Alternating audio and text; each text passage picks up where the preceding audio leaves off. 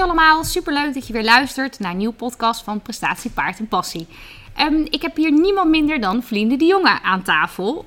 Um, kennen we onder andere van vloggen, Instagram. Het is echt, wat dat betreft, een van onze grootste social influencers op het gebied van paarden. En dankzij haar ben ik in aanraking gekomen met podcast. Dus wie kon ik beter vragen dan jou? dit is zo vreemd om jullie zo te zitten aan deze kant van de podcast. Heb je dit, uh, dit introtekstje ingestudeerd? Of uh, nee. komt het echt zo in één keer uit? Goed hè? ja, superleuk. Dankjewel. Ja. Fijn dat ik hier uh, mag zijn. En superleuk om zelf een keer eigenlijk geïnterviewd te worden voor een podcast. Ja, dat dacht ik ook. Ja. Ik, ehm, nou ja, wij kennen elkaar natuurlijk al even en hebben al een paar leuke dingen met elkaar samen gedaan.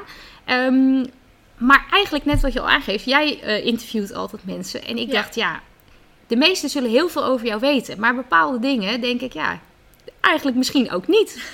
hoe ben je begonnen? Hoe ik ben begonnen? Ja, hoe oud was je toen je voor het eerst een, een vlogje opnam? Of dat je dacht van nou... Ehm, nou, het, het, begon niet met vloggen. Het begon met uh, ja, muziekvideo's noemde je dat toen. Dan ging je dus gewoon met, met vriendinnen ging je, uh, gewoon de paarden filmen. Dus dat, dan film je ook niet jezelf, maar eigenlijk echt de paarden. Dus dat kon gewoon een buitenrit zijn, het kan tijdens een wedstrijd zijn of allemaal gekke dingen. En dan uh, zet je daar, dat gooi je allemaal bij elkaar, zet je een muziekje onder. Dat kon gewoon een top 40 muziekje zijn. Alleen dan zag je altijd met copyright, dus daar moest je nog een beetje oh, ja, ja. creatief in zijn. Daar begon het allemaal mee tien jaar geleden volgens mij nu. En, en waar plaats je dat dan? Waar, op waar... YouTube gewoon. Oh, gewoon wel op YouTube, ja. Ja, ja, ja. dat kwam omdat ik toen op Hives zat. En op Hives leerde ik een meisje kennen die in Limburg woonde. Want die had een Appaloosa. En ik had toen de tijd een verzorgpony Appaloosa. Ik denk dat daar mijn liefde voor Ja, daar, daar zijn de stippels vandaan gekomen. um, en uh, zij maakte altijd, deed heel veel buitenritten met haar vriendinnen. En daar maakte ze superveel foto's van. En toen uh, vond ik het gewoon leuk om die foto's te bekijken. En toen kwam ik er dus ook achter dat zij uh, video's maakte op YouTube. En toen ben ik al die video's gaan kijken.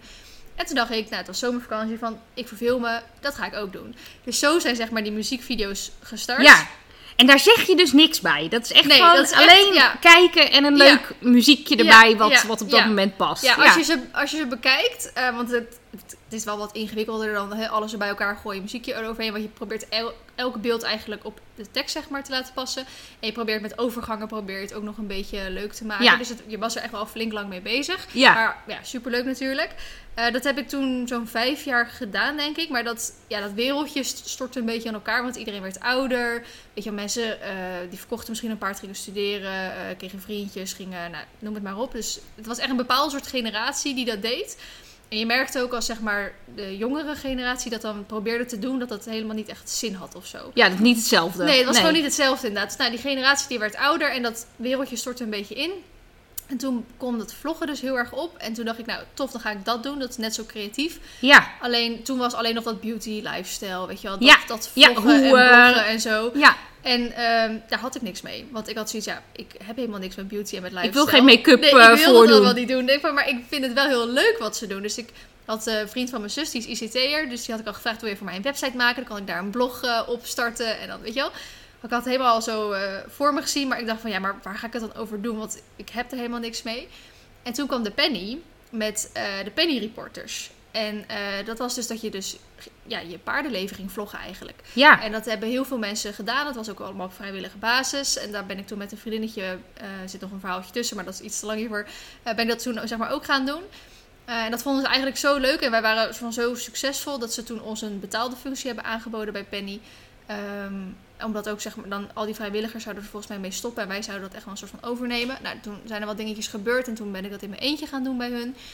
Uh, maar dat was in het begin, toen we het nog vrijwillig deden, was het maar voor één keer in de maand. En Ja. eigenlijk had ik zoveel ideeën. Te vertellen, ja, dat Ja. kon nooit. Dat Nee. ik dacht van, nou, ik heb niet genoeg aan één keer in de maand. En toen dacht ik dus van, wacht eens even, ik heb nog mijn eigen kanaal. Waar ik dus al die jaren die muziekvideo's heb gemaakt. Ik ga gewoon vloggen over mijn paardenwereld. Want daar kan ik wel leuke dingen mee. Ja. Dus toen in één keer is dat soort van dat dubbeltje, dat kortje gevallen. En toen ben ik gaan vloggen over mijn paardenleven. En heette het dan gelijk Feline Hoi? Ja, want het heette eh, vanaf het begin al Vlienhooi. En het, ik heb me eigenlijk heel lang soort van geschaamd voor die naam. Want het was Nou, echt zo... maar hoe komt het? Want dat is natuurlijk gewoon... Nou, dat is echt een heel dom verhaal. Hoi! Nee, het, het is echt een heel dom verhaal. Ehm, ik, eh, dat was op Hives, begon alles, zoals Ja. ik vertelde. Eh, ik had een vriendinnetje toen ik op de camping in Friesland zat. Die woonde in ehm, Meppel, in Drenthe daar. En dat vriendinnetje had weer een andere vriendin. En dat was echt een super knappe meid. Gewoon echt voor die leeftijd. Hoe oud waren we? 14. Nou, je weet wel ongeveer hoe, hoe, we- hoe we eruit zagen op 14-jarige leeftijd toen. De meiden van 14 van nu zien er niet meer zo uit van Nee, toen. nee, dat zijn al hele dames. Ja, precies. Nou, zij was dus ook al echt een soort van een hele dame. En was gewoon echt een knappe vriendin. En eh, ik ben niet eh, lesbisch of zoiets. Maar ik, als ik gewoon een vrouw knap vind, dan is gewoon een vrouw knap. Ja. Ook al was ze echt pas 14 toen. Maar... En zij heette dus Eileen. En haar gebruikersnaam op huis was Eileen Hoy. En ik moest toen dus Mm. een gebruikersnaam hebben voor, voor YouTube volgens mij. Of ik wilde mijn gebruikersnaam op huis veranderen. Want dat was gewoon iets heel simpels en kinderachtigs. En toen dacht ik dus een beetje jaloersachtig van... Dan ga ik mezelf Feline Hoy noemen. dus dit is toch een briljant verhaal, want dit weet, dit weet toch niemand? Ja, ik heb het er best wel veel eh, in mijn video's wel eh, verteld. Oh, wat fantastisch. nou, ik vind het heel leuk, want ik wist het niet. Ehm, maar, nou ja, je gaat dan dus vloggen. Je doet dat deels dus eigenlijk al professioneel voor Ja. de penny. Ja. En daarnaast heb je dan je, je eigen eh, kanaal. Ja.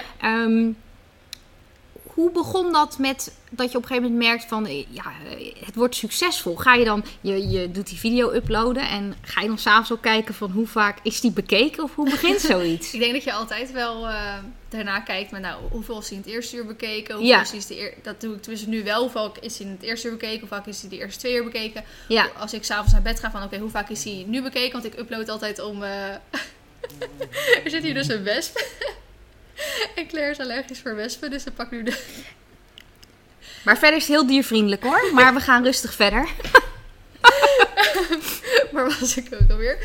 Ehm, Dat je gaat kijken hoeveel Ja, het bekeken Maar ik denk is. dat ik er toen, toen nog niet zo heel veel mee bezig was. Ik, er is ook nooit echt een punt geweest dat het in één keer heel booming werd. Het is altijd echt mega gelijk, ja, geleidelijk eigenlijk Ja, gegaan. ja. Ja. En ehm, dan eh, kunnen mensen dus abonneren op YouTube. Ja. Die, die, die, die gewoon vast jou bekijken. Ja. Om even iedereen een idee te geven. Hoeveel abonnees heb je op YouTube op dit moment? Op dit moment, moet ik het wel goed zeggen natuurlijk, ehm 86.000 of is het 82.000? Nou, wel boven de 80.000 in ieder geval. Ja. Volgens mij 82. En hoe werkt dat nu? Want voor jou is het... ehm, dit is je, inmiddels je baan. Ja. Hè? Dit is als een leukigheidje begonnen. Gewoon omdat je Ja. heel creatief Ja. bent. En je wil graag je verhaal delen. Ja. Inmiddels eh, moet je hier gewoon van eten. Ja. Hè? Daar komt het in feite op neer. Mhm. Ehm, wat was het punt dat je dacht, ja, dit, dit, dit wordt beroepsmatig. Dit is niet meer voor erbij. Ehm, ik denk dat dat het begon bij Penny op zich. Want toen had ik altijd gewoon bijbaantjes. Want toen moest Marley, eh, hè, mijn pony, altijd zelf gewoon betalen. Ja, Ehm, toen bij Penny ging ik in één keer als freelancer werken. En als freelancer verdien je een hele hoop meer dan als je gewoon een baantje er- bij de Albert Heijn. ja, eh, precies, zoiets heb. Dus in, ik, ik, eh, ik weet nog heel goed dat ik dus... eh, ik werkte als fotograaf eh, met een greenscreen ook. Dus we stonden volgens mij ook toen op de vakantiebeurs in Utrecht of zo. En ik weet nog dat ik die dag dus het, het contact opgestuurd zou krijgen van Penny. En dat ik zou weten wat mijn uurtarief zou worden. En ik weet nog dat ik gewoon elke keer mijn telefoon zat te verversen. Omdat ik gewoon zo benieuwd... Ik, was, ik had echt geen idee wat, wat zoiets zeg maar zou... eh, opleveren. Ja, wat dat dan, ja. nou, en toen in één keer kreeg ik dat uurtarief door. En ik sloeg een soort van stijl achterover. Ik had nog net niet meteen mijn ontslag ingediend bij de fotoservice. En ehm, dus eigenlijk vanaf dat moment dacht ik van... Oh, ik kan dus gewoon met video's maken... gewoon goed geld verdienen, zeg maar. Ja. Maar dan was dan nog als freelance op Ja, basis op, voor Penny. Eh, maar dat heb ik wel heel lang, gewoon vier jaar lang voor Penny gedaan. Omdat het, omdat het als freelance basis gewoon op uurtarief was. Gewoon ja, heel makkelijk eh, te factureren was natuurlijk Ja, aan het einde van de ja. maand. Ehm, En daarmee kun je ook natuurlijk weer nieuwe kansen creëren om jezelf ook weer door te ontwikkelen. Want uiteindelijk, hè, mensen denken, ja, tenminste dat is toch wel wat ik gauw hoor. Mensen denken van nou, een influencer verdient bakken met geld. Maar ik denk ook dat het ontzettend veel tijd kost. Ik denk, hè? ik Ehm, denk als je... als je het eh, echt per uur zou gaan Nou, rekenen. ik denk, kijk, een Enzo Knol, een Stuk TV, een een Monica Geuze, Beauty Gloss, weet Ja. je wel, die zullen bakken met geld verdienen. Maar als je even omrekent, ik denk dat ik bijna net zo hard werk als dat zij werken. ja. Alleen zij hebben veel meer weergave als dat ik heb. ja, ja. Dus zij, zij eh, hun, hun advertentie, hè, want zo werkt het. Google die zorgt dat er advertenties over jouw video's afgespeeld worden. Daar krijg je dan een percentage van. En hun samenwerkingen met bedrijven natuurlijk. Zij kunnen eigenlijk voor precies hetzelfde wat ik doe, kunnen ze gewoon een hoop meer geld vragen, omdat ze veel meer bereik hebben. ja, ja. En dat is eigenlijk hoe het werkt. En als iemand nu vanaf nul begint en er fulltime mee bezig is, zal die niks tot heel weinig verdienen. Terwijl die misschien evenveel moeite er al, als- Insteekt, ja. insteekt als dat ik doe, als dat Enzo Knol er zeg maar insteekt. Alleen ja. ehm, de, de, ja, de, de cijfertjes, de, abonnee-aantallen, dat is natuurlijk hetgene Ja, wat... en, en die, die abonnees, kijk, het komt wellicht ook omdat jij, jij doet alleen over paarden. Dus Mhm. we trekken paardenmeisjes aan. Ja, ja. Eh, misschien enkele jongen, maar Mhm. hè, over het algemeen, dat zijn paardenliefhebbers. Ja. Ehm, is het ook misschien, ehm, ja, is dat dan een punt dat je denkt, ja, ik moet er dus nog wat bij gaan doen, omdat je wel eh, ja, die inkomsten nodig hebt? Ja. Of, of is dat... Nou, ehm, Want het ik- werkt dus echt door Google. Dus het is Ja. echt. Het zijn niet bedrijven die eh, de advertenties bij jou. Nee, eh, nee, dat- is gewoon wat. Nee, precies. Dat gaat allemaal automatisch. ja. En, En, ik zeg ook altijd van, je hoeft niet te denken dat je van je YouTube-advertenties rijk wordt hoor. Nee. Want eigenlijk met de hoeveelheid tijd die ik in de video stop, ehm, zou ik eh, onder, eh, onderbetaald worden. Hè? Onder, als je dat zou omrekenen naar uurtarief en naar wat je dus van advertenties Overhoud. krijgt, Ja, dan zou, je, zou ik onder minimum eigenlijk krijgen. Het is meer alles wat erbij komt. precies. Dus- en je bent. Ja. eh, uiteindelijk is natuurlijk. Eh, de video's, dat Ja. is denk ik waar je ook de grootste bekendheid mee hebt ja, gekregen. dan moet, dat is ook een soort van de rode Ja. draad door alles heen. Daar- Dat moet je ja, ook niet... dat is jouw basis. ja, dat is de basis. Ja, Daar ja. moet je gewoon mee door blijven. En ook al is dus eigenlijk de video's leveren het minste op. Ja, Maar dat is wel dus de basis waar je gewoon altijd mee door moet blijven gaan. Ja, precies. En ehm, nou, inmiddels heb je heel veel meer dan dat. Je Ja. hebt ondertussen ook nog even een opleiding gedaan. Ja. Ik wil wel met een beetje vertraging. Maar goed, dat kan dus ook bijna niet anders. Ehm, wat voor opleiding heb je gedaan? Ik heb, ehm, ik heb nu net mijn scriptie van hippische bedrijfskunde ingeleverd. Maar dat is niet de eerste opleiding die ik heb gedaan. Ik ben dus begonnen met maritiem officier. Dus dat is compleet iets anders. Kijk! Eh, toen deed ik wel al een beetje die muziekvideo's maken. Want hè, dat deed ik al Ja, tien jaar ja, ja. geleden. Ehm, maar toen hoefde ik niet per se mijn werk te hebben in het filmen of in, of in de paarden of wat dan ook. Nou, toen heb ik eerst dus in Rotterdam eh, een jaartje gelopen. Alleen dat heb heb ik op een aantal redenen niet gehaald. Heb ik mijn propeduis niet gehaald en dan word je ook gewoon de opleiding afgegooid. En toen heb ik in Amsterdam dus het opnieuw geprobeerd. En toen heb ik ehm, wel een propeduizen gehaald. Maar dan in dat jaar, van dat ik dus zeg maar van eh, het eerste jaar HBO naar het tweede jaar HBO ging, was precies die zomer dat ik voor Penny begon ehm, te Ja. vloggen. En dat mijn eigen kanaal dus in één keer, dat ik Ja, ook booming werd. Ja, vloggen, zeg maar. ja. En toen was dat, eh nou, was ik heel de zomervakantie gewoon echt super druk mee. Super leuk. Echt gewoon, ja, een beetje van mijn hobby echt mijn werk aan het maken. Precies die zomer. En toen ging ik weer terug naar school. En toen belandde ik weer in dat maritiem officierwereldje. En toen dacht ik, dit is niet te combineren samen. Dit is zo'n compleet andere wereld. Ja. Ik weet niet hoe ik dit moet gaan doen straks. Dus toen ben ik gestopt met die opleiding. En toen ben ik dus hippische bedrijfskunde gaan doen. Omdat Ja. dat het meeste erop aansloot, denk ik. Omdat Ja. het ondernemen op paardengebied, zeg maar, is. Ik had er ook voor kunnen kiezen om een eh, filmopleiding te gaan doen.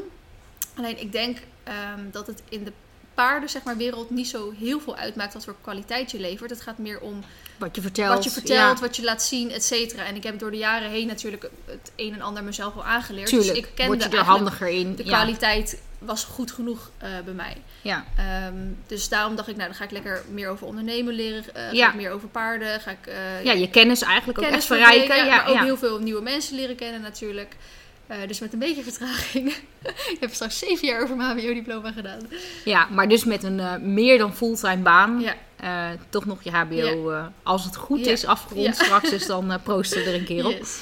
Ehm, nou, je, je gaf al aan van, hè, van die video's kan je dus niet leven. Dus je moet daarin ook creatief zijn. Nou, je- ehm, wat ik zo zie, je hebt hele trouwe volgers. Hè. Ik denk dat dat ook een van de, ehm, ja, ja, hoe zeg je het, de meest grootste dingen is. Dus als je dus echt een, ja, ik wil haast, haast zeggen, eh, een, een leider bent van een volk. Want ehm, deze mensen, eh, die, die volgen jou, die halen inspiratie uit. Mhm. eh, maar die willen dus ook echt wat van je leren. En Ja. nemen ze ook dingen van je aan. Ja. En dan komt natuurlijk dat stukje influencer om de hoek.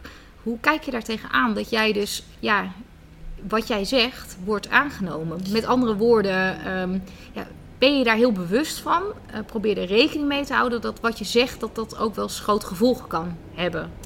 Ehm, ik denk dat ik daar vroeger niet zo heel erg over nadacht. Hè. Toen was het nog allemaal nieuw. Toen bestond volgens mij het woord influencer eh, nog niet eens. Nee, nee, dat is iets van de laatste jaren. Ja, tegenwoordig word je dus zo genoemd. En ik vind bij influencer komt dat een beetje een negatieve lading eh kijken. Ja, omdat soms, ze best ja. wel vaak in een negatief daglicht worden gezet.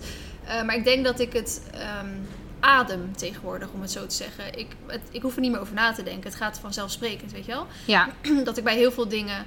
ehm, eh, ik heb bijvoorbeeld een, een heel simpel voorbeeld. Ik ehm, was een twee, drie jaar geleden was ik een video aan het opnemen voor Penny toen nog. En eh, het was een hele leuke video waar we de paarden met vingerverf gingen bekleden. Weet je wel, super grappig. En er waren wat vriendinnen van mij ook op stal op dat moment. En die waren een beetje aan het keten. Nou, prima. En ehm, iemand spoot iemand nat. En die zegt in één keer, ja, die roept homo, zeg maar, tegen diegene. Als een soort, ja, ik wil niet zeggen scheldwoord, of, Ja. maar dat vloekt er zo uit. Of, nou ja, dat, dat zeggen jongere meiden wel. Ja, ik ben het er ook niet helemaal mee eens, maar ik noem het even als gewoon een heel duidelijk voorbeeld. En dat zag ik dus terug op mijn, ehm, op mijn video. En toen dacht ik, dit kan ik gewoon niet gebruiken. Nee, Want dit wil je niet. Dit wil ik niet promoten, dit wil ik niet... eh, nee, dat, dat, zo'n woord gebruikt wordt als een ja, scheldwoord. Ja, precies. Eh, dat, dat, daar sta ik niet achter. En dat vind ik lastig, omdat het dan wel in mijn video is. En ook al zeg ik het niet, het gebeurt wel. Ja. En ik zou nooit van mijn leven, ik zou zo'n woord niet eens als scheldwoord gebruiken. Want dat Nee, is natuurlijk wel precies. geen scheldwoord. Maar ik zou ook nooit eh, zoiets dan in, in een video zeggen. Nee, dus daar ben je wel bewust Ja. van dat je dat soort dingen inderdaad, dat je daar iemand mee kan kwetsen. Ja, en dan precies. probeer je dat ook te voorkomen. Ja, maar ook op gebied wel van, van, van spullen of zo. Hoor. Weet je, want ik doe natuurlijk veel samenwerking. En als iemand, ehm, ik zeg maar wat, een uh, stang en trends met mij wil doen, dan denk ik prima. Maar ik rij niet met een stang en trends, omdat ik niet Ja. op niveau rijd. En ik heb een pony, dus dat hoeft van mij allemaal niet. Dus ik vind ook, het moet bij mij passen en het moet ook bij mijn volgers passen. Want Ja. het, grote, het grootste gedeelte van mijn volgers, dat is natuurlijk gewoon de recreatieruiter. Ja. Ehm, dus dan, ik vind ook gewoon, als, er iets, als ik iets vertel, als ik iets laat zien, dan moet het bij mij passen. Ja. Ik moet er altijd en alle tijden voor in kunnen staan. ja, dat je er echt achter Ja, staat. dat ik er echt achter sta. Ehm, en het moet, ik vind ook dat het moet bijdragen aan mijn volgers. Want ehm, ik ben natuurlijk nu aan het weekvloggen al een, hele lange tijd. Ik, ik film daarbij ook wat meer van mijn privéleven. Eh, Ja. waardoor het ook wel wat makkelijker is om weer samenwerkingen te krijgen met eh, merken wat totaal niks met paarden zeg maar, te Ja, maken heeft. Zo heb ik ja. bijvoorbeeld natuurlijk met eh, voor mijn huid heb ik een bepaalde Ja, samenwerking. Maar superleuk ook, want dat zijn ook dingen waar jonge meiden mee spelen. Eh, ik heb een puistje, eh, mijn huid is niet zo mooi. Hoe gaan we? Daar loopt iedereen mee. Dus dat is op zich. Dus dat, dat, draagt ook- bij, ja. Maar dat is ook iets wat ik natuurlijk al een soort van in de jaren al vaker heb benoemd. Van nou, mijn huid is gewoon niet goed, daar zit ik mee, bla bla. Dus dat denk ik, nou, dat past er dan wel bij. Maar dan als er bijvoorbeeld ook weer iemand met eh shampoo voor, voor je haar, weet je wel. Dan denk ik, nou, op zich, eh, mijn haar kan echt wel beter, weet je wel. Het is niet de beste kwaliteit, maar... Ja, maar ik- om dat dan ook te gaan promoten, ja, is te ver van je bedshow. Ja, precies. snap en ik. dan ja. mogen ze er nog, weet ik veel, 2000 euro voor willen bieden. Dan denk ik, ja, oké, misschien als ze dan eh, dat er geld bieden, dan denk ik, dan ga ik er even een keer over nadenken. Maar ehm, Nee, maar dat is te ver bij je ja, vandaan. Dus, ehm, maar, dus het is het stukje, het, het influencen. Je bent wel bewust van dat je dus inderdaad ehm, wat je zegt komt aan. Ja. Maar ook de producten die je deelt. Dus je Ja. probeert daar wel eigenlijk een soort keuze in te maken. En, ehm, maar ik vind ook tegelijkertijd, want ik ben mens en ik maak ook fouten, ook fout. weet je wel. Ja, ja Dat- maar dat- het moet ook niet te steriel worden. Hè? Als het op een gegeven moment niet meer realistisch overkomt of niet meer menselijk. Ja. Ik denk ook dat dat de reden is waarom eh, je zoveel volgers hebt. Ja. Omdat eh, de meesten, denk ik, jou zien als de girl next door. ja, precies. Die kunnen zich. Als de eh, grote zus of... eh, ja, ze, ze kunnen zich eh, vergelijken met jou. Ehm, ze, eh, ik denk ook het stukje dat je met Mardi al zoveel hebt bereikt. Gewoon door geduld en eh, doorzettingsvermogen. Dat het ook voor, eh, voor die meiden is van... Goh, ik, ik heb inderdaad niet het, het beste dressuurpaard. Mhm. Maar als ik gewoon goed oefen en ik ben netjes en zuinig op mijn paard... kan ik toch Ja. heel ver komen Ja, met, met, met les, met eh, oefenen. Ehm, en ik denk dat dat ontzettend leuk is. Want het is natuurlijk heel leuk om een Grand Prix-ruiter te volgen. Ja. Maar het is dan zo ver van je bed Ja, ja. Dat, dat ik denk dat de meesten ook zich daarmee niet eh, verwant voelen. Ja. Hè, er dus wel tegenop kijken. En ik denk dat bij jou het grootste eh, voordeel is dat ze en tegen je opkijken, maar ook denken, maar dit kan ik ook. Ja, precies. En, en dan kom je natuurlijk in een heel andere, ja, in een andere situatie waarbij je ja, één wordt. Hè. Ik denk ook dat dat met jouw video's ook. eh, ehm, dat het zo is dat mensen echt denken dat ze met jou aan het praten zijn. Ja. En dat is, ja, dat is echt een compliment. Maar dat is Ja. heel knap. Want ik heb in het begin, ehm, dat is natuurlijk wel leuk om te weten, eh, want hoe kennen wij elkaar? Ehm, er was een stalbrand bij jou geweest. En Ja. ik had toen, ja, no offense, maar ik had geen idee. en ik dacht, nou, ik vond het gewoon een heel sneu verhaal. Ja. En Volgens Nou. mij was het nog dat een vriendin van mij had jouw single. ja, En ik, toen, ja, ging... jij had mij een mailtje gestuurd over die stalbrand en die singles. En volgens mij hebben we toen één gegeven en één Ja. voor de helft of zo. Nou, zoiets. En, maar tot, tot dat moment nog steeds geen idee. en ehm, het is een paar dagen later en ik word door een, een jonge leerling eh, aangesproken. En ze zegt, eh, oh, Feline rijdt met uw single. ik zeg, waar heb je het over? Ja, Feline, hoi. En, oh. en En toen had jij schijnbaar in de video had jij het mailtje opgelezen en iets van gezegd van nou ik ben er zo blij mee en wat, wat, ja, wat nobel. Hmm. En toen dacht ik ook van, ik dacht echt, huh? Maar dit wist ik helemaal niet. Dus ik, ik was een soort eh, verbaasd. En toen kwam dus ook gelijk eh, punt naar boven van eh, goed, eh, goed gedrag moet beloond worden. Als, in, als je dus voor een ander wat doet, ehm, daar hoeft dus niet altijd wat voor terug. Mhm. En dat vond ik eigenlijk het mooie, dat ik het niet wist. Hè, dus niet wetende van ik geef iets aan een, ja, toch wel een grote Hmm. mogen we het noemen, zo'n influencer. Ehm, en eigenlijk vanaf dat moment denk ik dat, dat ik... eh, nou, toen ben ik wel wat gaan kijken, wat gaan volgen. En toen dacht ik ook, wow, hoe kan dit? Er zitten dus gewoon meiden klaar om drie uur 's middags... want jouw video komt online. Hoe voel je je daarbij? Dat je weet gewoon, ik ga dit online zetten... en dit is gewoon voor sommigen gewoon game-changend. Ehm, nou, het voelt voor mij niet. Ja, kijk, wat ik zeg, want het is heel geleidelijk allemaal gegaan. Dus Ja. ik heb nooit echt een explosie gehad of zo. Maar het voelt absoluut niet zo. Ik heb niet het idee dat er dus aan de andere kant van hè, dat beeldscherm zoveel duizenden mensen mee zitten te kijken. Ik heb ook altijd, ehm, als er een meet and greet is en mensen staan Ja. twee uur voor mij in de rij, dan ik snap het gewoon niet waarom mensen voor mij twee Ja. uur in de rij gaan Je bent nog steeds in shock als dat gebeurt, ja, eigenlijk. Nou, kijk, niet in shock, want het is heel normaal geworden. ja, Maar ik zou nooit van mijn leven voor iemand twee uur in de rij gaan staan. Zeg maar, omdat Ja. ik nooit fan van iemand ben geweest. ja. En dan zeg maar dat mensen wel fan dat van gevoel, mij zijn. ja. Dat, dat ze dat wel ervoor over hebben. Of als ik, hè, doe ik nu tegenwoordig die buitenrit en die dagjes Ja. op stal, wat eh, super succesvol is. En dan komen die meiden bij me. En sommigen die kletsen echt de oren van je kop. Super gezellig. En de anderen zijn echt wel heel verlegen, omdat ze een soort van niet... Tegen je opkijken. Ja, ja. en dan denk ik van rustig, ik ben ook een persoon. Ja, ik ben, eh, ik, ik ben het maar. Ja, precies. Ja. Ik ben ook gewoon normaal. Ik doe ook eh, normale mensen. Ik doe ook boodschappen. Ik ga ook, eh, weet ik veel, naar de wc toe. En ik doe Ja, ook dit ja. en dat, weet je wel. Dus dan denk ik van... Maar dat, het, ehm, dus je, je zegt wel van, nou, dat, het went misschien in zekere zin, maar Mhm. sommige dingen blijven dus nog steeds bijzonder. ja. Dat, dat, dat, ja, dat, dat mensen zo fan zijn dat ze dus alles ervoor over hebben. ja. Ja, dat is, dat is super bijzonder.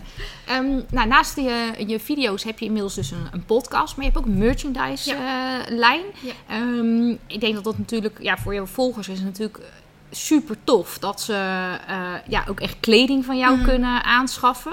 Ehm, hoe vaak doe je dat? Komt dat eh, ieder jaar uit of ieder seizoen? Ehm, of hoe werkt De bedoeling zoiets? is dat het één keer in het half jaar uitkomt. Eigenlijk Ja. net zoals normale collecties, hè, dat je een Ja. voorjaars- en een najaarscollectie hebt. We hebben nu, vorige, omdat we eh, wisselden van leverancier, eh, Ja. daar liepen beetje, wat dingetjes liepen daar wat spaak. Hebben we even voor gekozen om een seizoen over te slaan, zodat we dat gewoon even goed op, een Goed, rit, op, op de rit konden krijgen. Toen kwam corona.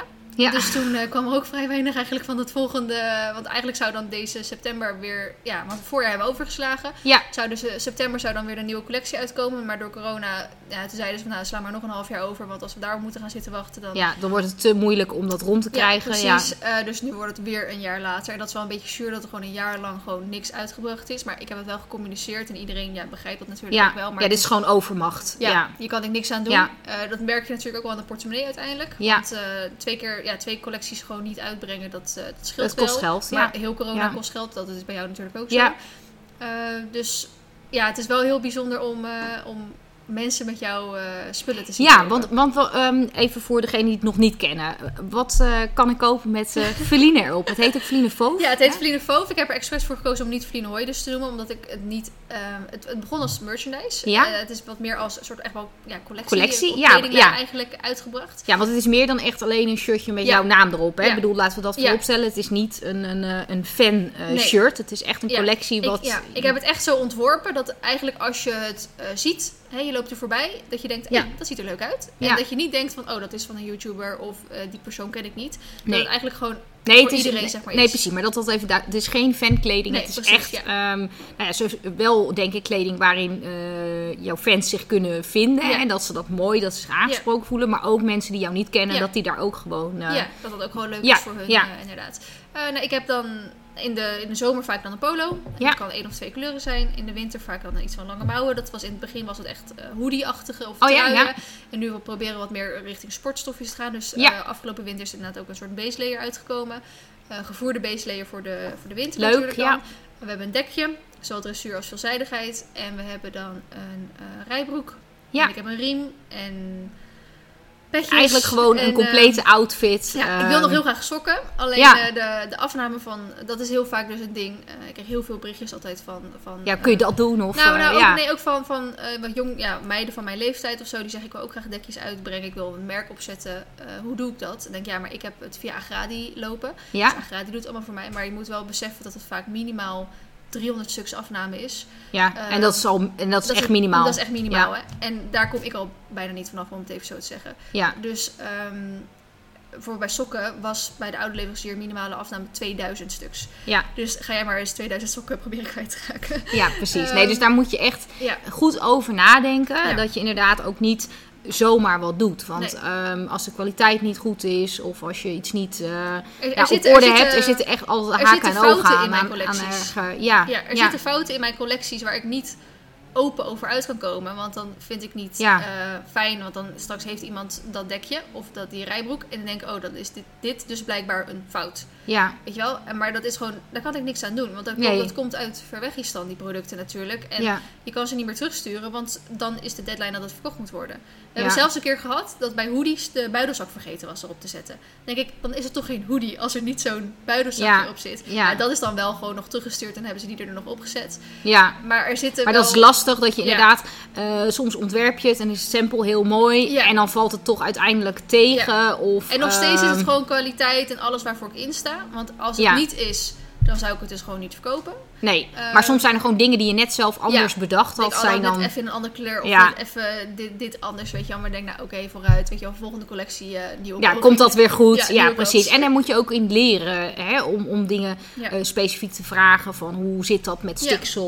Of eh, hoe Ja, zit maar dat? net zoals ik had met mijn ehm, rijbroek van vorige zomer had ik een, ehm, een telefoonzakje laten maken. Omdat ik heel veel Ja, rijbroeken ja, van dat gezien. heb Ja, waar zo'n telefoonzakje in zit. vind ik super fijn. Want die grote telefoons van tegenwoordig passen eigenlijk niet echt meer in normale zakken van je, van je rijbroek.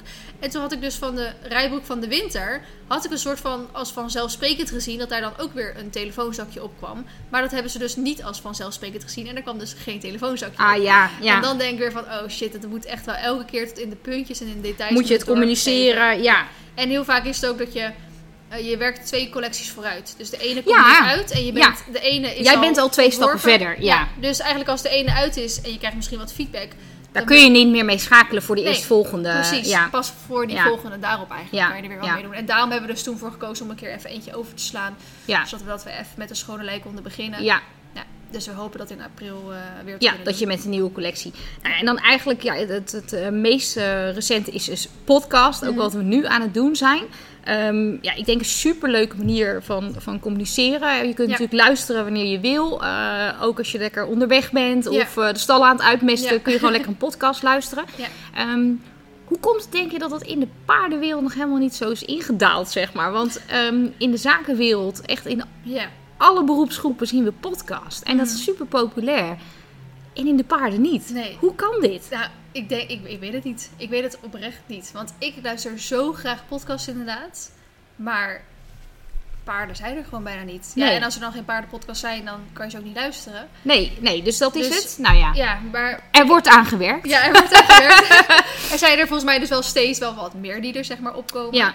Dus daar ben ik echt heel erg blij mee. Dus ik ben heel erg benieuwd of dat doorzet. Of dat Ja. het op een gegeven moment weer stopt. Of wat dan ook. Eh, ik moet wel zeggen dat ik heel erg merk is... ehm, er zit geen verdienmodel aan podcast. Nee, En dus Klopt. je moet echt een soort eh, sponsor hebben die dus Ja. jouw podcast sponsort en waar je dan een soort van reclameblokje tussen eh, af laat spelen. En bij eh, normale podcasts, om het even zo te noemen, dan is het, wordt dat volgens mij veel sneller gedaan. ja, Maar- dan want- bij paarden. Ja, want ja bij, als, ik, als ik voor mezelf spreek, dan zie ik het echt juist ehm, als een, een extra Ja. uitbreiding om kennis te delen. Dus ehm wij hebben natuurlijk een, een winkel op het Horshop. Mhm. Eh, we hebben de dressuurstal eh, en fokkerij ACB dressuur. En ehm, ik zie podcast echt iets om, eh, om een groter publiek ja, eigenlijk ja, kennis te delen, om, om ervaringen met elkaar te bespreken, om ook dingen aan de kaak te stellen die Ja. normaal misschien ja, niet zo makkelijk verteld worden. en voor, voor mij was het vooral, ik praat best wel graag. Ja, Ehm, in het echte leven valt dat echt heel erg mee. Maar ehm, om een video praat ik best wel graag, hè. Want ik vind gewoon eh, Maar hij had het bijvoorbeeld over die, eh die eh horzel-eitjes die op Ja, Olympische ja. benen zaten. Als ik dat nu in een video zeg maar even zou benoemen, kan ik zo vijf minuten over horzel-eitjes Over horsel-eitjes praten. Ja, ja, ja. en, ja, je ja. wel, dus, ehm, Nee, herkenbaar. ja, herkenbaar. nee, ja, ik weet dat jij ook zo bent.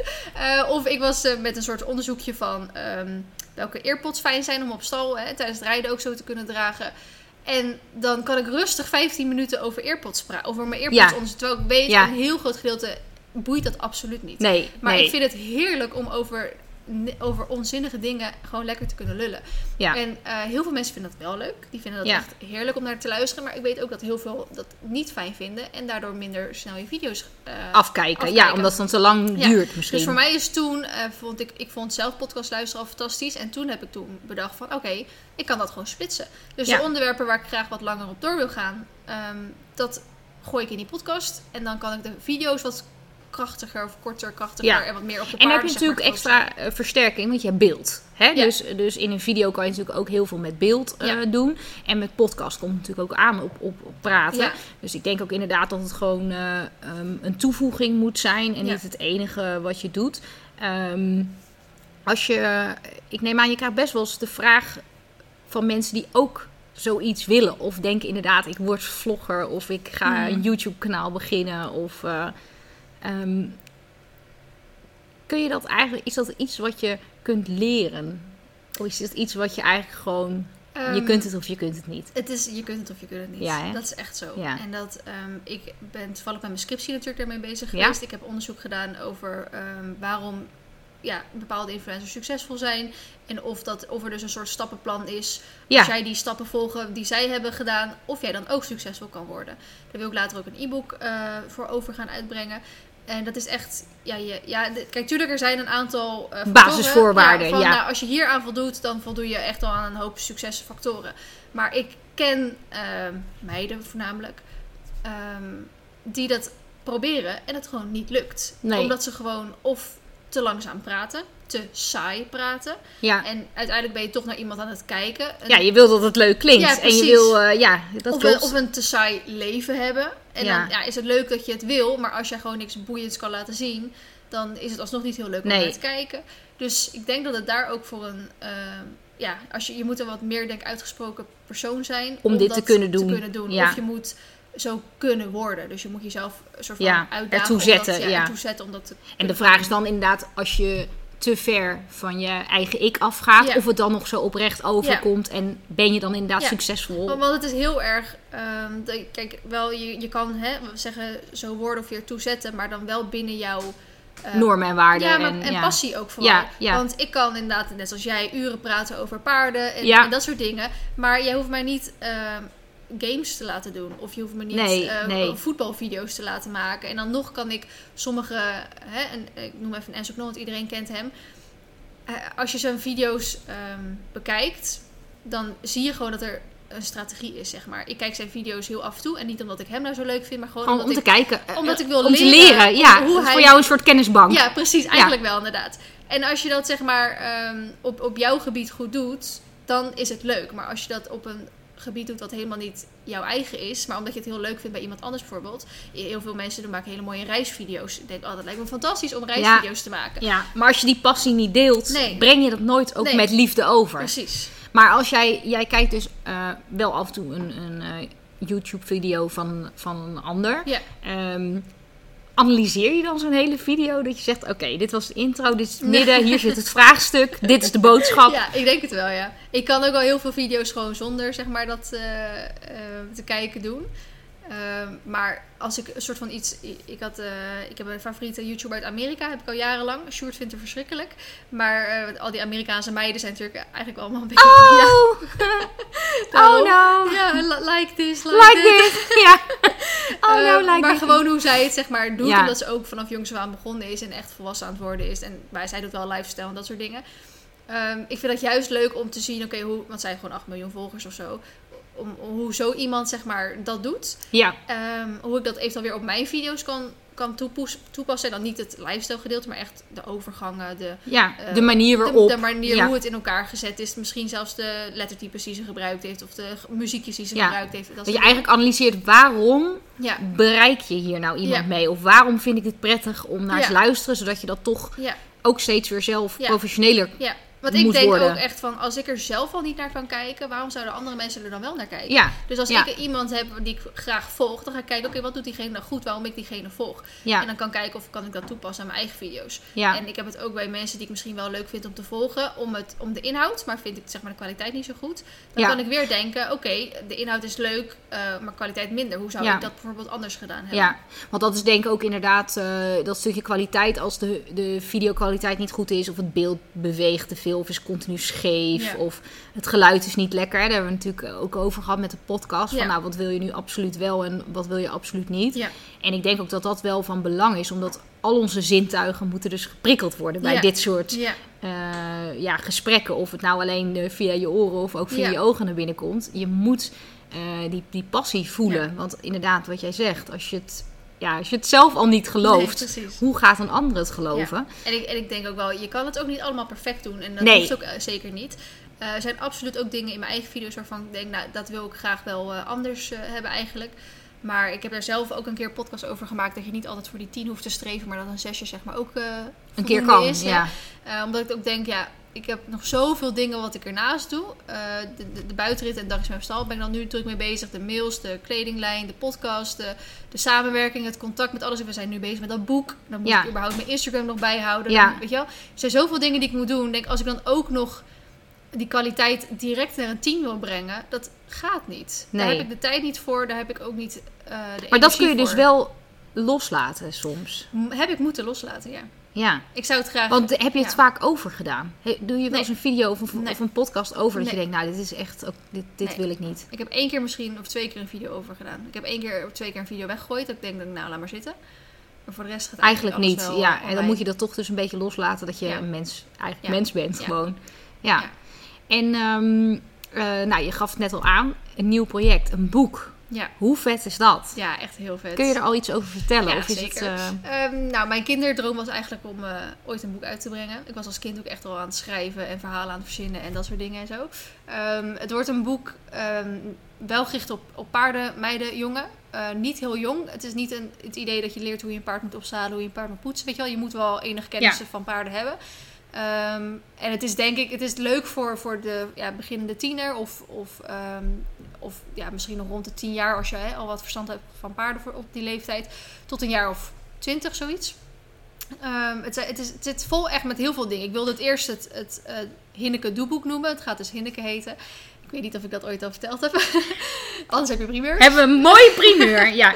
Even uh, voor de goede orde, je, je podcast heet ook zo. Ja, hè? Ik bedoel, Hinneke is wel echt iets van, ja, van en, jou. En ik heb het Hinneke Paardenjournaal ook nog ja. op. Dus dat is gewoon echt een, een, een leuk... Uh, ja, ik dacht dat is wel leuk om zo op te noemen.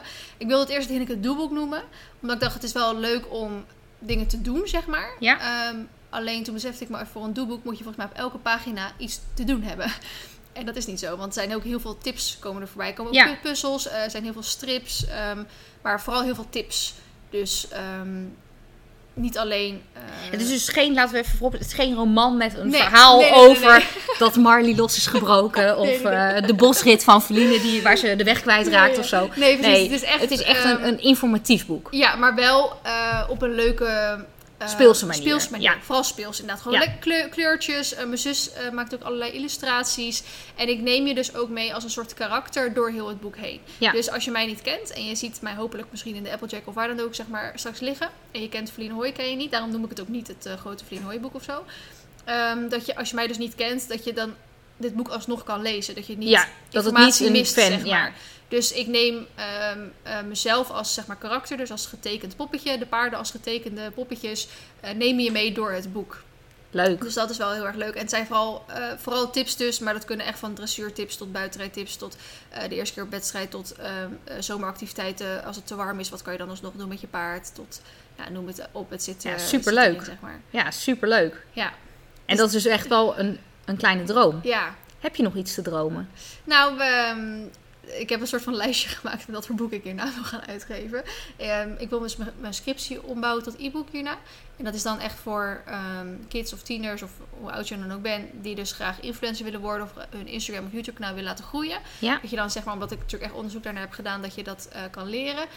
Um, ik wil heel graag een planner uitgeven, omdat ik zelf heel graag met een planner werk. En um, je hebt echt gewoon hè, normale planners en je hebt ook wel een paar paardenplanners, maar ik, ik vind ze allebei net te karig. Ik wil ze een soort eh, samenvoegen. Ehm, dat je eigenlijk zo van je werk en je, je paard gewoon in één planner overzichtelijk eh, krijgt. Dus eigenlijk een, een, een, een extra grote agenda. Ja, eigenlijk wel zoiets. ja. Ja. Eigenlijk ook misschien eh, zodat je dus je, je hobbypaarden met je Ja. werk kan... Of is het meer, Nee. plan ik de hele week voor mijn paard? Of, Nee, wel meer hoe, hoe combineer ik het. Ja, Dus wanneer, wanneer in de week heb ik tijd voor mijn paard, maar ook gewoon iets leuks van nou, eh, als je op wedstrijd gaat, welke punten heb je gehaald en eh, nou, weet je wel, zo'n soort... Ja. eh, ik, ik- dus eigenlijk een soort logboek met planning in één of zo. ja, ja. ik denk zoiets. Het is echt Ja. nog heel... Staat toch in de kinderschoenen? Ja, precies. We hebben ook gezegd, we gaan daar ook zeker nog niet mee bezig zijn voordat ehm, het boek er is. En ook gezegd, dan komt het e-book en dan pas gaan we daaraan werken. Dus dan ben je zo twee jaar verder, denk ik. Ja, dan wil ik heel graag een stripboek uitgeven. Want eh, mijn zus is dus, wat ik zeg, de illustraties aan het maken voor het Ja. boek nu. En er komen ook een paar stripjes komen erin voor. En ik had dus een oproepje gedaan op Instagram van... Nou jongens, ik loop even in mijn creativiteit een beetje vast. Eh, ik moet vier strips hebben. Eh, help me even denken. Hè? Ja. Welke gebeurtenissen uit mijn video's zijn jullie altijd bijgebleven... waar we een leuke strip over kunnen maken? En toen, nou binnen twee minuten had ik al gewoon negen ideeën. Ja. Wat ik denk, oh dit is echt tof om een strip over te maken. Waarom ben ik dit moment vergeten uit mijn leven? ja, maar het is gewoon dat het heel veel is. Het is heel veel. Als je al tien jaar van je leven vastlegt, dan vergeet je echt wat, je, wat er allemaal ja. gebeurd is. Dus toen dacht ik echt, van, toen heb ik al die negen ideeën ehm, naar mijn zus doorgestuurd. Zeg, eh Jane, welke, kan je hier wat... ja. Ja, wel- welke is het leukste om zeg maar uit te werken? Ze zei, nou, deze en deze. Ik denk, nou oké, prima, gaan we die uitwerken. Toen dacht ik, ik ga hierna gewoon nog een keer een stripboek maken, waar we gewoon al deze verhalen in gaan uitwerken. ja, wat superleuk. Ja. Superleuk. en dan misschien ook nog wel een keer inderdaad wel een, een echt leesboek. Maar waar die dan over gaat, ik heb geen idee. Nee, precies. precies. Hoe zie je je leven na influencer? Als in, ga je dit de rest van je leven Nee. doen? Vloggen en... Nou, ik doe het wel zo lang eh, mogelijk. Of zolang het succesvol blijft en zolang het zeg maar gaat.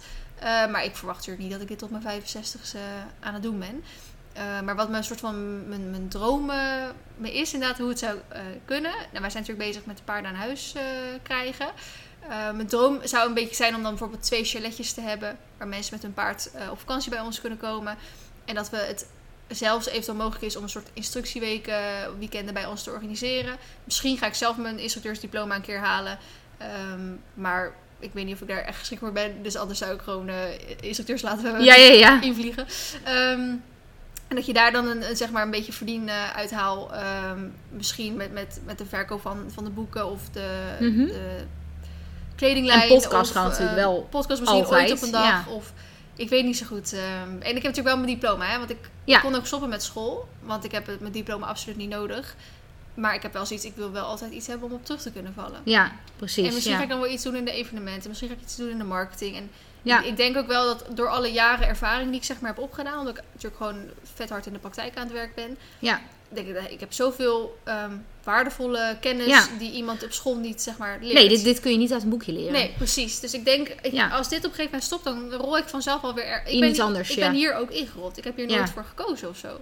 Nee. Het is echt dat ik hier ingerold ben dat het uit zichzelf zo gegroeid is. Dus ik denk, als dit dan op een gegeven moment stopt, dan rol ik ook wel weer ergens anders in. ja, precies. Dat is ook gewoon je actieve houding. Ja. En het stukje waarin je altijd weer op zoek bent ook Ja. naar iets nieuws. Hè? Ja. Want je houdt ook niet echt van ik stilzitten. En... stil. Altijd weer kijken inderdaad van, oh, wat is nieuw? Wat, wat voor ontwikkelingen zijn er? Eh, podcast Ja. is opko opkoming. eh, Ja, nou, gaan precies. we dat doen? Ja. En ik heb dus ook wel met eh, mijn afstudeerdocenten erover gehad van, ehm, nou, hoe...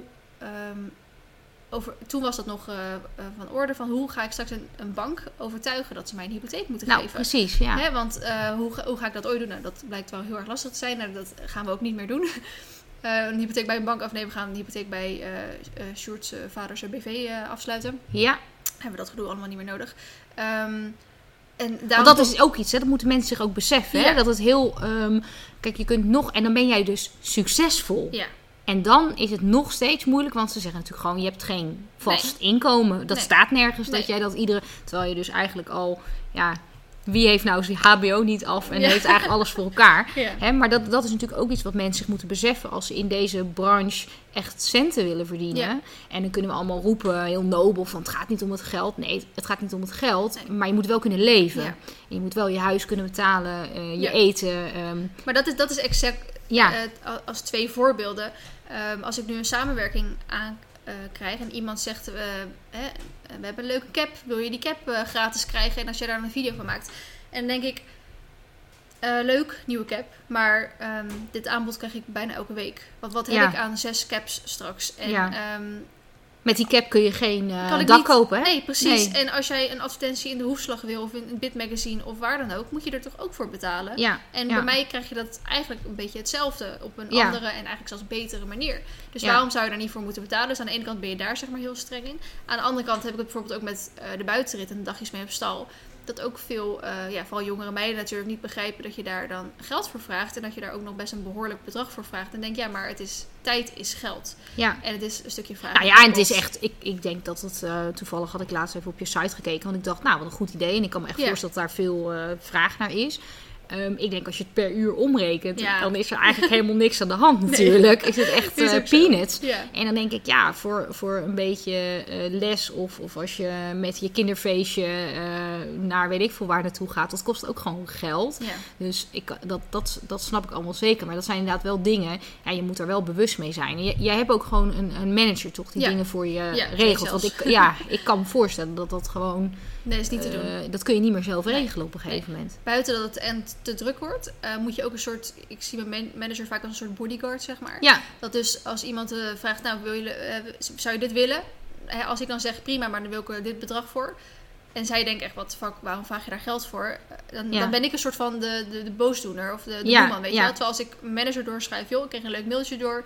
Lijkt kijk jij er eens even naar. Kijk, eh, lijkt me leuk. Eh, Kijk jij er eens even naar. Misschien kunnen we een Insta-post doen of een shout-out in een video. Nou, dan weet zij wat het ongeveer waard is. En dan, stuurt zij dus van, nou, eh, heeft zeker interesse in jullie dingen. eh, dit en dit kost dit. Ja. En dan is zij eigenlijk. Ja, Hè, dus ook wel een stukje afstand nemen. Ja. Hè? Een stukje dat het misschien ook niet te persoonlijk nee, wordt. nee, een stukje Ehm, professionalisering. En zij precies, kan wel ja. voor de contracten zorgen. En, Ja. eh, ja. Nou, want dat is natuurlijk ook. Je wil natuurlijk ook. ehm, wat, wat is dat wel eens gebeurd? Dat je bijvoorbeeld eh, denkt van, nou, ik heb een goede afspraak gemaakt. Mhm. En dat dan eh, dat er bijvoorbeeld misloopt. Dat die andere partij zegt, ja, ho is, maar eh jij had dit en dat. En je hebt vandaag een verkeerde broek aangehad of zo, weet je. Die had je niet aan, maar of hè, dat je iets per ongeluk... Omdat je Mhm. filmt natuurlijk alles. Dus ik Mhm. kan me ook voorstellen dat er misschien ja, ook wel eens een keer wat in beeld komt. Wat dan, ja, Nee, volgens mij is het nooit, Nog nee, nooit gebeurd. nooit, eh, ik, ik, ben ook wel, ik kijk er ook wel goed vooruit. hoor. Ja, precies, ik niks eh, ja. geks zeg of niks geks doe of zo. ja, Eh, Ik moet wel zeggen dat, dat je soms wel eens bijvoorbeeld een, voor een half jaar lang iets afspreekt. En dan in het half jaar lang moet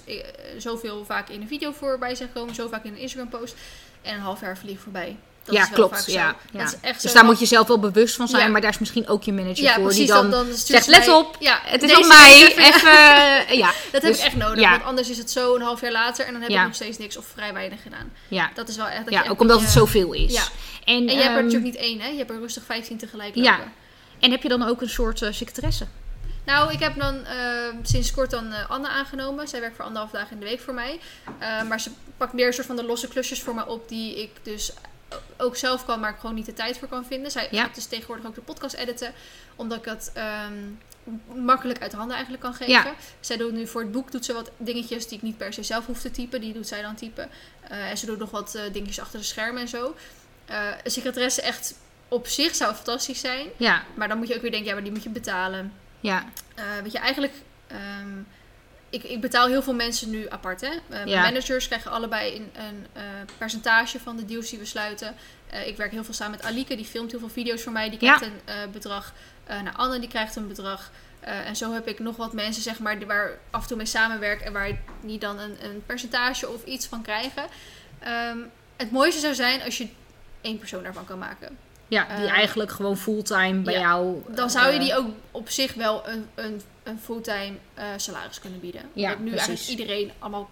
Lossen, als je dat bij elkaar gaat Ja. optellen, wordt het waarschijnlijk toch nog een heel Ja. groot... En alleen Ja. die persoon ben ik zeg maar nog niet ehm, tegengekomen die dat allemaal zou kunnen. En ik denk ook niet dat ik dat zou willen. Want iedereen heeft zijn eigen... Specialiteit, Specialiteit, ja, want- waardoor je ook sterker Ja. wordt en Want Ja. die, de, eh, ik heb twee managers, zoals ik zeg. De ene die zit in de wereld en die heeft al die contacten al. En die heeft Ja. eh, echt een bureau. ja, Nou, dat kan je niet verwachten van iemand die op zichzelf staat. Ja. Nou, mijn andere manager die heeft ook heel veel contacten. En die is gewoon echt, echt, echt een marketingmens. Weet je wel, die, ja, die krijgt er gewoon een kick van om iemand te bellen en zo'n deal te sluiten. Nou, ik haat bellen. Ik haat onderhandelen. ja. Weet je wel? Dus je moet echt...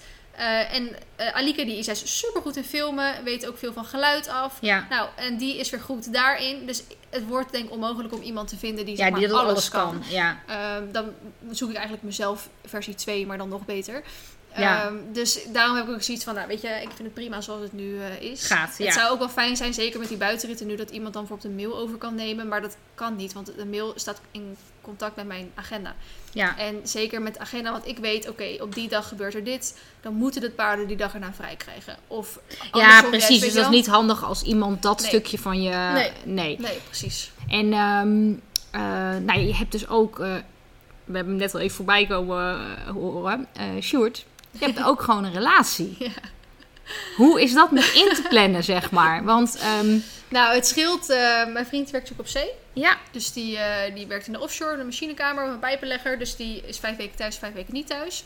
En dat is heel relaxed, want dan kan ik vijf weken gewoon lekker knallen. Ja. Zo, Want ik hou ook niet van stilzitten. Ik kan dat echt niet. Heel veel mensen zeggen van, vriend, doe ze even een keer rustiger aan. Dan denk ik, ja, maar ik kan niet rustiger aan doen, want dan ga ik me vervelen. ja, Dus ik vind het echt niet erg om 80 uur in de, werk, in de week te werken. Ehm, maar als hij er dan terug is, wil je ook wat quality time? ja, precies. Ja. Dus dan eh, moet ik wat, of me meer dingen uit handen geven, of ik moet juist wa- wat rustiger aandoen, of ehm, zorgen dat het dan, hè, en die vijf weken dat hij weg is, dat ik dan alles doe. Ehm, dat is niet echt te plannen. Want je kan wel plannen van als hij thuis is dat ik wat rustiger ga doen. Maar nu was precies vanaf 1 juli ging bij ons de stal weer open na corona. En hij kwam op 30 juni kwam hij thuis. En ehm, dus vanaf 1 juli kwamen bij mij in één keer drie keer per week buitenrit en dagjes mee op stal. ja. Ehm, omdat dat vanaf maart tot juli gewoon niet kon. Nee, Omdat- dus dat wil je dan eigenlijk ook weer door laten gaan. Ja, precies. Want dat Ja. is gewoon ook verloren inkomsten door corona weer even bij, eh, bijhalen. Ja, Ehm, dus dat was dan voor wel gewoon heel erg druk. Dat hij dan weer Ja. thuis was en ik eigenlijk gewoon heel veel aan het werk was. En we waren bezig met het boek, want er zit ook weer een deadline achter. ja, Eh, dus soms is dat wel lastig te combineren. Maar het scheelt heel erg. Ik denk, eh, als hij gewoon een normale baan van 9 tot 5 had gehad, dat we dan elkaar minder zouden zien. Dan als hij gewoon vijf weken thuis is en vijf weken weg is. Want als hij vijf Ja. weken thuis is, kan hij gewoon met mij overal mee naartoe. Als hij Ja. er zelf zin in heeft. ja, En is hij er altijd. En kan, die, kan, kan hij om mijn agenda heen plannen, weet je wel. ja.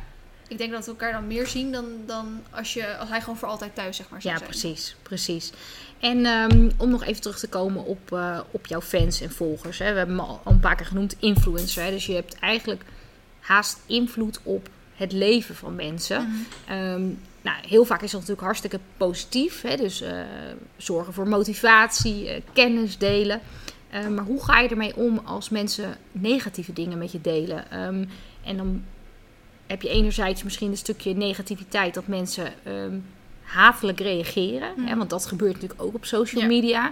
Ehm, dat mensen ja, geen blad meer voor de mond nemen. Mhm. En, en echt, ehm, ja, soms wel, echt wel kwetsend eh, kunnen reageren. Ja. Ehm, hoe, hoe ga je daarmee om als je, ja, als je echt eh, denkt, nou, oeh, Nou, in het begin kon ik er, ik kan er überhaupt heel slecht tegen. Het is echt niet zo met hoe langer je dit doet, hoe, eh, hoe dat je een dikkere huid krijgt? Nee, dat is. Echt, dat is echt bullshit. Of tussen. voor jou? voor mij ja, wel. Ja, Eh, in het begin ging ik er heel erg tegen in.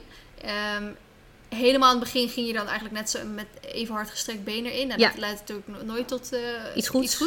Op een gegeven moment ga je een beetje doorhebben als iemand iets negatiefs zegt. Dan ga je bijvoorbeeld zeggen: hey, bedankt voor je feedback. Eh, ik ga erover nadenken. En, Ja, eh, ja, precies. Dat Ja, je ja, er ja. een beetje zoiets eh, van maakt. Je, als het echt iets heel simpels is. Van wat je gewoon even, dat het gewoon gebrek aan kennis is van, die persoon, dan kan je het misschien eventueel uitleggen. uitleggen, ja. En dat ja. is een beetje mijn valkuil. Ik wil eigenlijk iedereen die iets negatiefs te zeggen of te denken heeft, Omtunen. omtunen. Ja, dat we ja gewoon weer ik, ik door herken het. één Ja. deur heen kunnen. Want het is, nou echt 99,9% is het door gebrek aan kennis wat... ja, van- dat ze lelijk doen. Ja, ja, wat, ja. wat van tevoren zeg maar bijvoorbeeld gebeurd is. Ik kreeg gisteren toevallig ehm, onder een video van mij... dat ik jou bij jou hier die kliniek aan het rijden was... dat iemand zei tegen mij, wat heb jij onrustige handen? En eh, Oh. dat zou ik echt niet verwachten Ja. bij iemand die bijna Z-dressuur rijdt. En dan denk ik... Als eerste vond ik het niet eens eh, dat ik onrustige handen had op dat moment. Ja, Uh, ten tweede is, ik heb jarenlang hele onrustige handen gehad. En ik ben er juist heel erg eh, de afgelopen jaren op gaan trainen. Dat ze rustiger worden. ja, Dus inderdaad, iemand reageerde daar ook op van... Nou, als je vriendin een beetje zou kennen, weet je dat ze daar al heel veel jaren moeite mee heeft. Maar het is echt super erg verbeterd al. En ze weet ja, dat dat een, een eh, verbeterpunt van haar is. ja. En daar werkt ze aan. En dan denk ik, dan, dan geef je dus een haatreactie, zeg maar. Want je zegt, nou, wat heb je onrustige handen, dat is toch niet fijn voor het paard. En dan denkt, eh, verwacht iemand die zo hoog Ja. reed dat hij dat wel kan. Maar denk jij, je mist een, een stuk kennis in je, in je reactie, zeg maar. Dat Ja. ik van heel ver kom, of dat het... eh, Ja, en het is eh, ehm, daarnaast net of iedereen die zet rijdt, of die dan perfect Ja. rijden. Ja, er is nog wel wat meer dan zet, Ja. weet je wel. Ja. En, het, en nogmaals, eh, ja, als dat echt iets was eh, wat heel storend was, nou, dan ben ik natuurlijk de eerste die daar natuurlijk wel gaat, van gaat Ja. vinden. En inderdaad, dan is het ook goed om toe te lichten. Ja, je bent nooit uitgeleerd en je werkt eraan, Ja. maar... en je maar, hoeft ook zeker niet te verwachten dat ik de, de handen van een Grand Prix ruiter heb. Nee. Ik denk dat dat oh, nou, maar sommige op. handen van sommige Grand Prix ruiters wil je ook niet hoor. Dat is dan weer een andere discussie. Maar, Ja. maar dus ehm, je kan er wel iets beter mee omgaan als in met name de reactie. Maar doet je wel wat als, als wat. mensen... En het ligt er ook aan, want ehm, kijk, dan van mijn handen, dat boeit niet zoveel. Nee, maar meer ik- op je paard bijvoorbeeld Ja, of nou, zo. wat we eh, natuurlijk met Olympus hebben ja. een hele hoop eh, eh, ja, dierenarts, klinisch röntgen Ja. afgelopen jaar gehad. En ehm, ik heb me altijd laten leiden door dierenarts. Ik heb eigenlijk Ja. nooit echt zelf beslissingen genomen. Als een dierenarts zei, hij kan dit, hij doet dit, hij heeft dat nodig, heb ik altijd gezegd, oké, is goed, doe maar, doe wat voor hem nodig is. En dan zeg maar alsnog reacties, nare reacties over hem krijgen. ja. Ehm, Dat je ook denkt, ja, de mensen weten er niks van. Ik Nee. heb jou toen ook denk ik wel eens een paar keer een beetje voor gewaarschuwd. Hè, van, let op met wat je online... Maar Ja. zei, ja, dit is ook mijn leven. Hè, dit, ja, dit, nee, maar dit is hoe ik het doe. had ik het misschien minder Ja. online willen zetten. Met. Aan de andere kant heb ik ook mensen eh, die soortgelijke situaties hebben gehad met hun paard. Die ook soort van afgeschreven werden. Die toen van een second opinion naar een betere dierarts zijn gegaan. Ja. die gewoon weer, die ze zeggen van ik ben weer vliegende wissels aan het rijden met mijn paard. Terwijl ik eigenlijk Ja. mijn pensioen al op de wijs stond. ja, Dus eh, aan de kant denk je, als ik i- e- minstens één persoon een soort van kan laten zien van met revalidatie of met de juiste training kan je Ja. een hele hoop meer. Je paard hoeft niet afgeschreven te zijn. Kijk, het is ook geen sprookje. Het is echt niet zo dat elk paard weer beter kan worden met een slechte Nee. diagnose. Ehm, Nee, want dat, dat moet je natuurlijk wel inderdaad... ehm, je wil ook geen valse hoop geven. nee, precies. Ehm, en nu is het ook, het gaat nu natuurlijk supergoed. Maar het is natuurlijk de afwachting Ja, van of dat zo blijft. zo blijft. Ja. En of je toch nog de dingen kan doen die je wilde. En waarschijnlijk heb je ook wel je, je dromen iets aangepast. Ja. Omdat je weet dat die bepaalde dingen eh, mankeert. Ja. Ehm, maar dat is wel inderdaad, dat lijkt me wel een heel moeilijk stukje. Als mensen je echt persoonlijk eh, gaan aanvallen. Of op je paard of dergelijke. Kijk, om als dan, iemand tegen eh, mij zegt je bent lelijk, ja, ja, dat maakt me echt boeien. helemaal Ja, niks dat- uit. Maar als je me echt persoonlijk op iets, Ja. zeker waar ik al heel veel moeite in stop, als je daar Ja. ook nog iets naars over gaat zeggen of ik kreeg een eh, reactie. Het, was, het ging een beetje allemaal achter elkaar. Olympus heeft nooit echt kreupel gelopen, maar goed, we weten allemaal een beetje wat hij heeft. Voor degene, de luisteraars die dat niet weet, eh, hij heeft tien wervels kissing spines en hij had een eh, instabiele kniebanden. Ehm, dus hij liep niet kreupel, maar eh, ja, voordat alles begon liep hij wel af en toe een beetje een pasje een beetje raar door die instabiele kniebanden. Nou, dat was eigenlijk al een jaar geleden. Marley die was te kort bekapt twee maanden geleden, Ja. dus die liep even een paar dagen kreupel. En Arena die had ehm, iets, eh, eh, iets met, haar, met, haar, met haar buik, iets met haar baarmoeder, hè, dat ze wat last Ja. van. Dus die liep ook even niet goed daardoor. En toen kreeg ik een reactie van... eh, vrienden, misschien moet je eens naar jezelf kijken met wat je allemaal fout doet. Want als alle drie je paarden kreupel lopen, dan ligt het waarschijnlijk aan jou. Oh. En op zo'n moment denk ik van...